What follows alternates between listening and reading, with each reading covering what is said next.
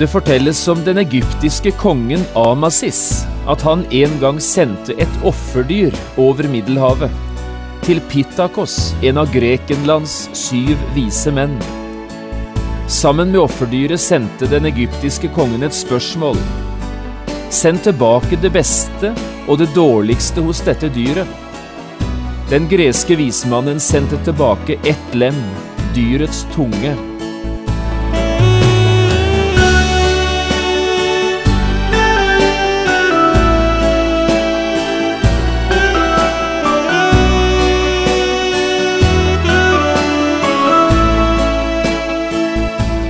Hjertelig velkommen til et nytt program i serien Vindu mot livet. Programmet er produsert av Kristen Riksradio og blir ledet av Jon Hardang. Kristen Riksradio drives av frivillige gaver. Vi er glade for din støtte.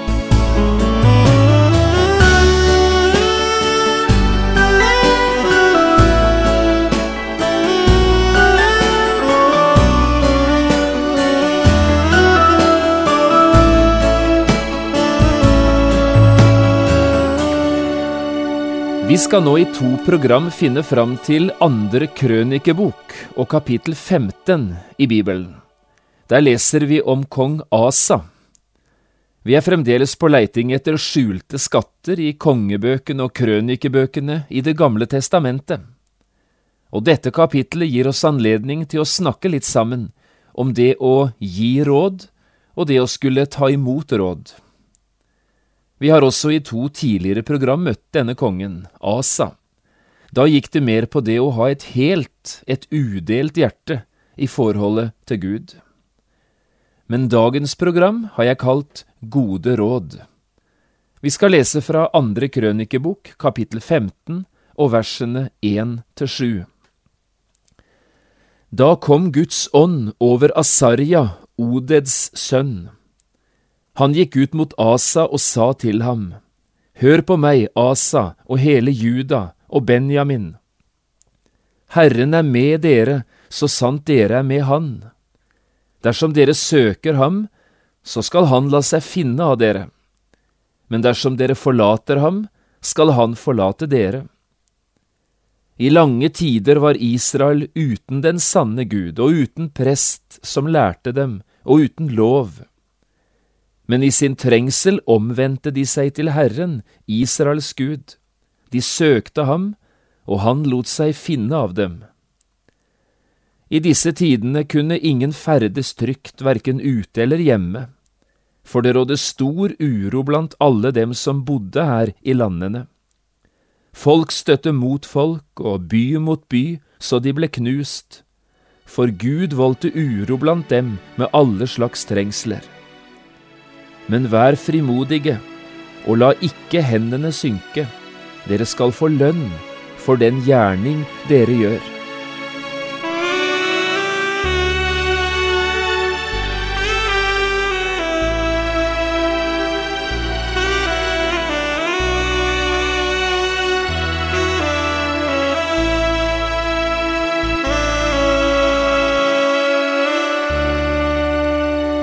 Det fortelles om den egyptiske kongen Amasis, at han en gang sendte et offerdyr over Middelhavet, til Pittakos, en av Grekenlands syv vise menn. Sammen med offerdyret sendte den egyptiske kongen et spørsmål.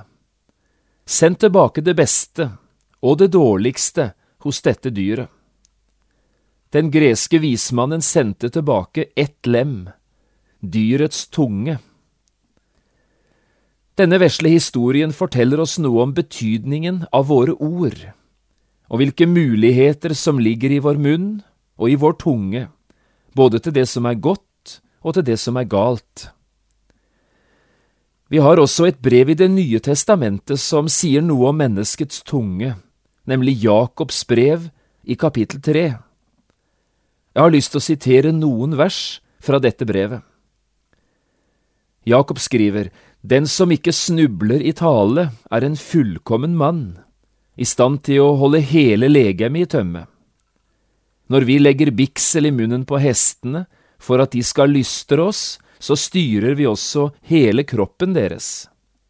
Se, også skipene, som er så store og drives av sterke vinder, de styres av ett ganske lite ror, dit hvor styrmannen vil.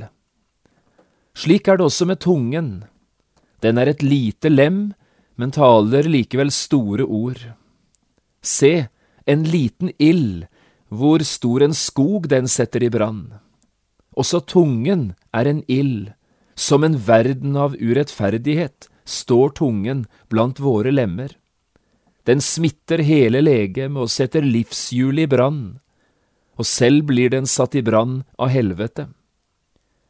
For all natur, både hos villdyr og fugler, krypdyr og sjødyr, kan bli temmet, og er blitt temmet, av den menneskelige natur.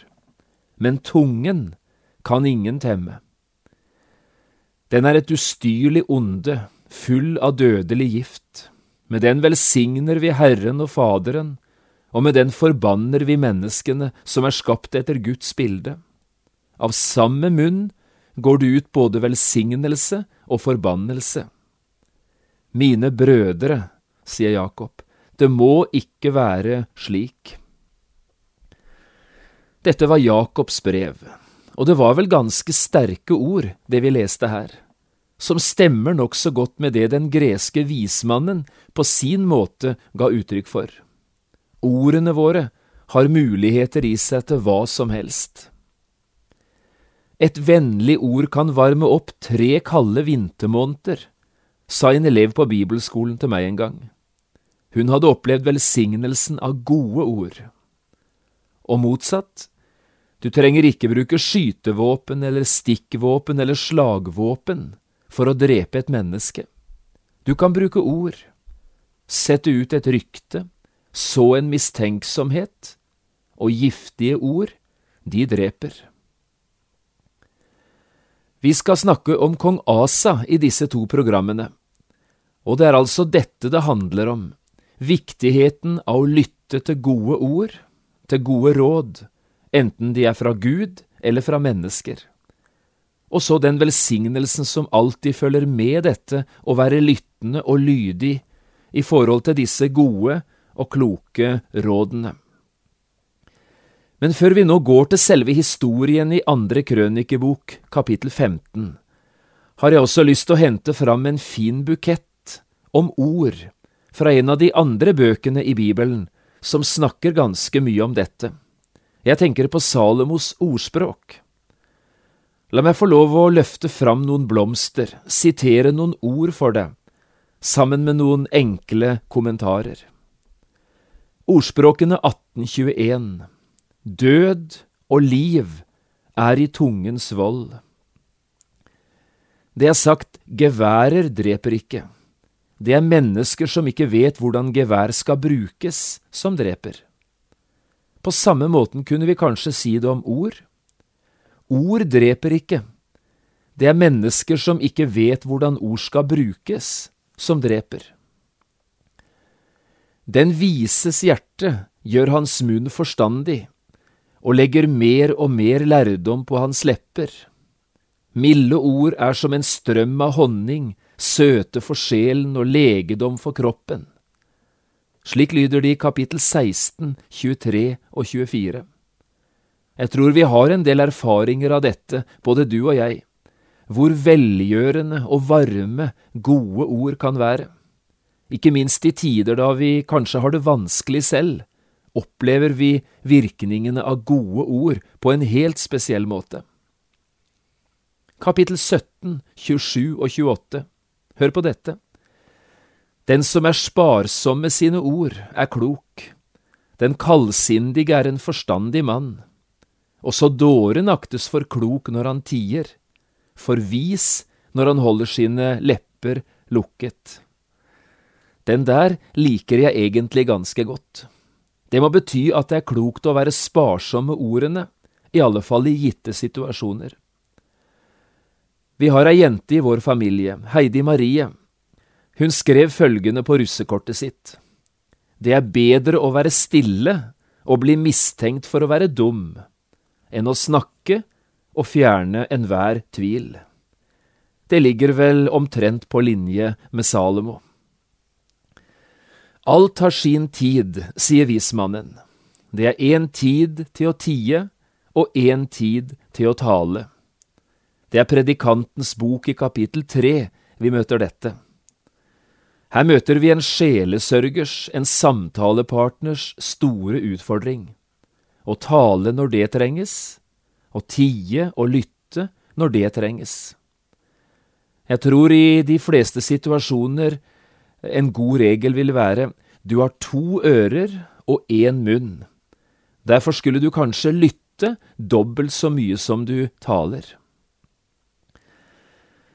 Jeg håper disse blomstene, disse små påminnelsene, kunne sette i gang en og annen tanke også hos deg, slik det har gjort hos meg.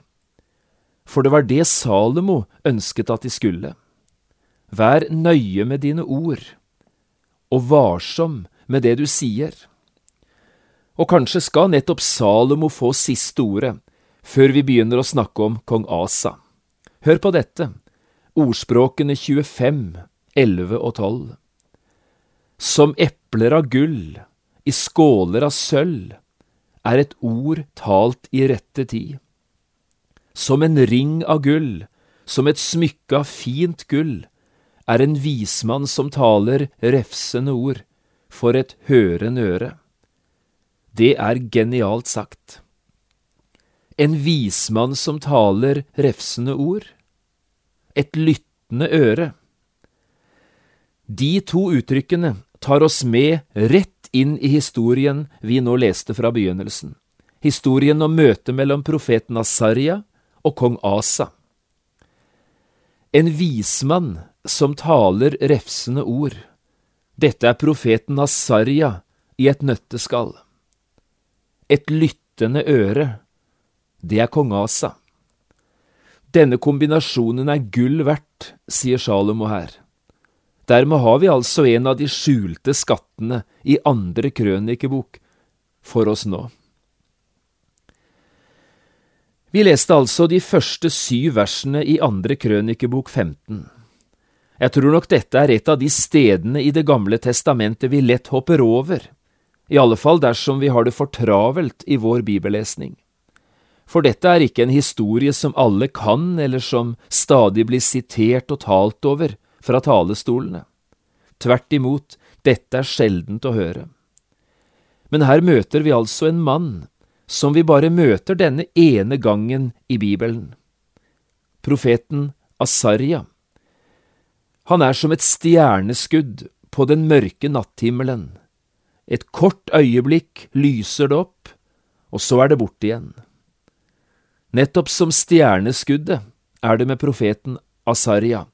Plutselig er han der, og plutselig er han borte igjen. Én ting er likevel sikkert. Her i møte med kong Asa var Asaria rett mann på rett sted til rett tid.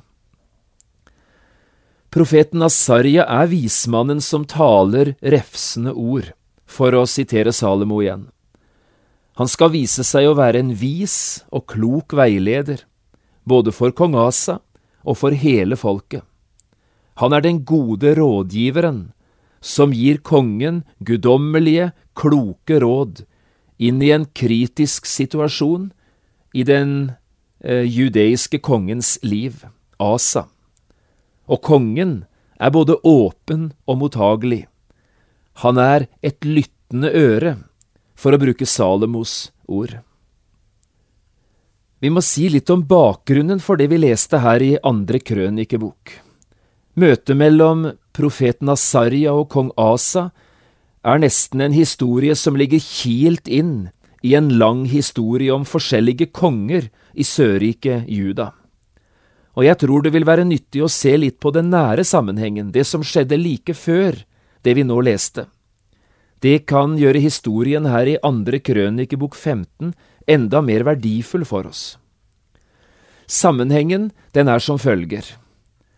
I andre krønikebok 14 er bakteppet borgerkrig i Guds folk. Det er krig mellom Nordriket Israel og Sørriket Juda, og konflikten den foregår her i sør, i Judas rike. Kong Abia er død, og nå er sønnen Asa blitt konge etter sin far. Kong Asas regjeringstid skulle bli 41 år. Han fikk lang regjeringstid, og allerede tidlig viser den unge kongen seg som en god konge. Hør på disse uttrykkene hentet fra spredte vers i andre krønike 14. Dette er om Asa. Asa gjorde det som var godt og rett i Herrens, hans Guds øyne, står det. Han fikk bort altrene og offerhaugene for de fremmede guder. Han befalte Juda å søke Herren, fedrenes Gud, og å holde loven og budene. Også det er ganske sterke ord. I hans dager hadde landet ro i ti år. Landet hadde fred. Ingen førte krig mot ham i disse årene, fordi Herren gav ham ro. Det er gode tider, gode år, både for Asa og for folket i sørriket Juda. Men så skjedde det. En etiopisk hær, under kommando av hærføreren Sera, dro opp mot sørriket Juda og mot kong Asa. De stilte med en hær på én million mann og 300 sterke vogner. Mot denne mektige hæren ble kong Asas 580 000 mann for småfolk å regne, selv om Judas hær bestod av både djerve og dristige menn. Hva gjorde Asa i denne situasjonen? Han stolte på Gud, forteller vers 11 i andre krønike 14. Hør hva det står. Da ropte Asa til Herren sin Gud og sa, Herre, for deg gjør det ingen forskjell enten du hjelper den mektige eller den maktesløse. Hjelp oss, Herre vår Gud, til deg setter vi vår lit, og i ditt navn er vi gått ut mot denne store mengden. Herre, du er vår Gud, la ikke et menneske stå seg mot deg. Og så skjedde underet. Da lot Herren etioperne lide nederlag for Asa og Juda, og etiopierne flyktet, står det. De ble knust av Herren og hans hær, og Juda førte et umåtelig stort krigsbytte bort med seg. Så er kongen altså på vei hjem, sliten etter kampen, men jublende over den store seieren. Og det er nå, på hjemveien, han møter profeten Asarja. Dette tror jeg var et strategisk meget viktig øyeblikk, for erfaringene våre er vel slik at like etter store seire i livet kan vi være ganske sårbare som kristne. I gleden og jubelen over vunnende slag kan vi plutselig gå på et helt uventet nederlag. Seiersrus er langt fra den beste årvåkenheten i forhold til eventuelt nye fiendtlige angrep. Tenk bare på hva som skjedde med israelittene like etter at de hadde inntatt den store byen Jeriko. Da led israelittene et sviende nederlag ved den vesle fillebyen Ai. Det må ha vært dette Gud hadde i tankene når han nå sendte profeten Asarja for å tale Guds ord rett inn i den seirende kong Asas liv. Hør på begynnelsen av kapittel 15. Da kom Guds ånd over Asarja, Odeds sønn. Han gikk ut mot Asa og sa til ham, Hør på meg, Asa. Dette er som nevnt eneste sted i hele Bibelen vi møter denne Asarja, Odeds sønn. Helt uberørt at det er kongen han snakker til, så lyder det altså Asa, og alle dere fra Juda og Benjamin, jeg har et Guds budskap til dere. Og så løfter profeten Asarja fram fire helt konkrete ting. La oss nevne dette ganske kort nå mot slutten. For det første, han taler om tryggheten hos Gud, og om den utrygghet du får dersom du ikke vil ha med Gud å gjøre. Herren er med dere, så sant dere er med Han, sier profeten Asarja. Dersom dere søker Han, så skal Han la seg finne av dere. Dette er nesten som å høre ordene som en gang tidligere ble sagt til Salomo i hans unge år. Det andre, Asarja nøler ikke med å gi kongen sterke advarsler. Dersom dere forlater han, skal han forlate dere. Det er alltid lettere å komme med gode løfter enn det er å gi klare advarsler. Men begge deler er viktig, og begge deler hører med når Guds ord lyder. Nå trengte Asa også en advarsel, og profeten Asarja ga han advarselen på tydelig og klar måte. Så peker profeten på noen eksempler fra Guds folks historie. Det er det tredje. Det er nesten som han gir Asa en liten historietime. I lange tider var Israel uten den sanne Gud og uten prest som lærte dem, og uten lov. Men i sin trengsel omvendte de seg til Herren, Israels Gud. De søkte Han, og Han lot seg finne av dem.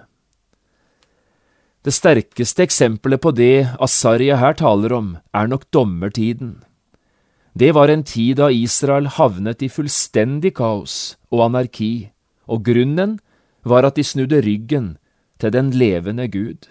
Dette må ikke skje igjen, sier profeten Asarja. Og så det siste. Profeten satte mot i kongen, og nå er Asarja både varm og tydelig. Vær frimodige, la ikke hendene synke, dere skal få lønn for den gjerning dere gjør. Snakk om oppmuntrende ord, snakk om løfterik framtid. Hvordan kong Asa nå tok imot det profeten Asarja forkynte, det skal vi se på i vårt neste program. Vi stanser akkurat her i dag, med denne fine oppmuntringen hengende i lufta. Vær frimodige, og la ikke hendene synke. Dere skal få lønn for den gjerning dere gjør. Og skulle jeg knytte enda et vers fra Bibelen til denne oppmuntringen, måtte det være Hebreerne 6,10. Ta til deg dette ordet, du som hører nå. Gud er ikke urettferdig, så han skulle glemme det verk dere har gjort, og den kjærlighet dere har vist mot Hans navn ved at dere har tjent de hellige og fortsatt gjør det. Også du vil leve med Gud, vil du ikke? Også du vil tjene Herren, er det ikke så, du som har fått se Hans store frelse? Vær frimodig, sier dette ordet. Gå med Gud. Han vil aldri svikte eller forlate den som er helt med ham.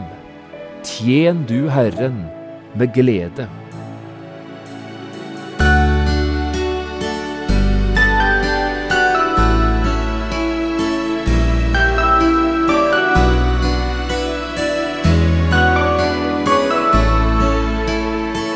Du har lyttet til programmet serien Vindu mot livet med John Hardang. Programmene i denne serien kan også kjøpes på CD fra Kristen Riksradio, eller høres på internett på p7.no. Har du spørsmål eller kommentarer til det du nå har hørt, kan du ta kontakt med oss. Adressen er Kristen Riksradio, Skiene 2, 5353 Straume. Eller send en e-post vml.alfakrøll.p7.no. Takk for i dag, og på gjenhør.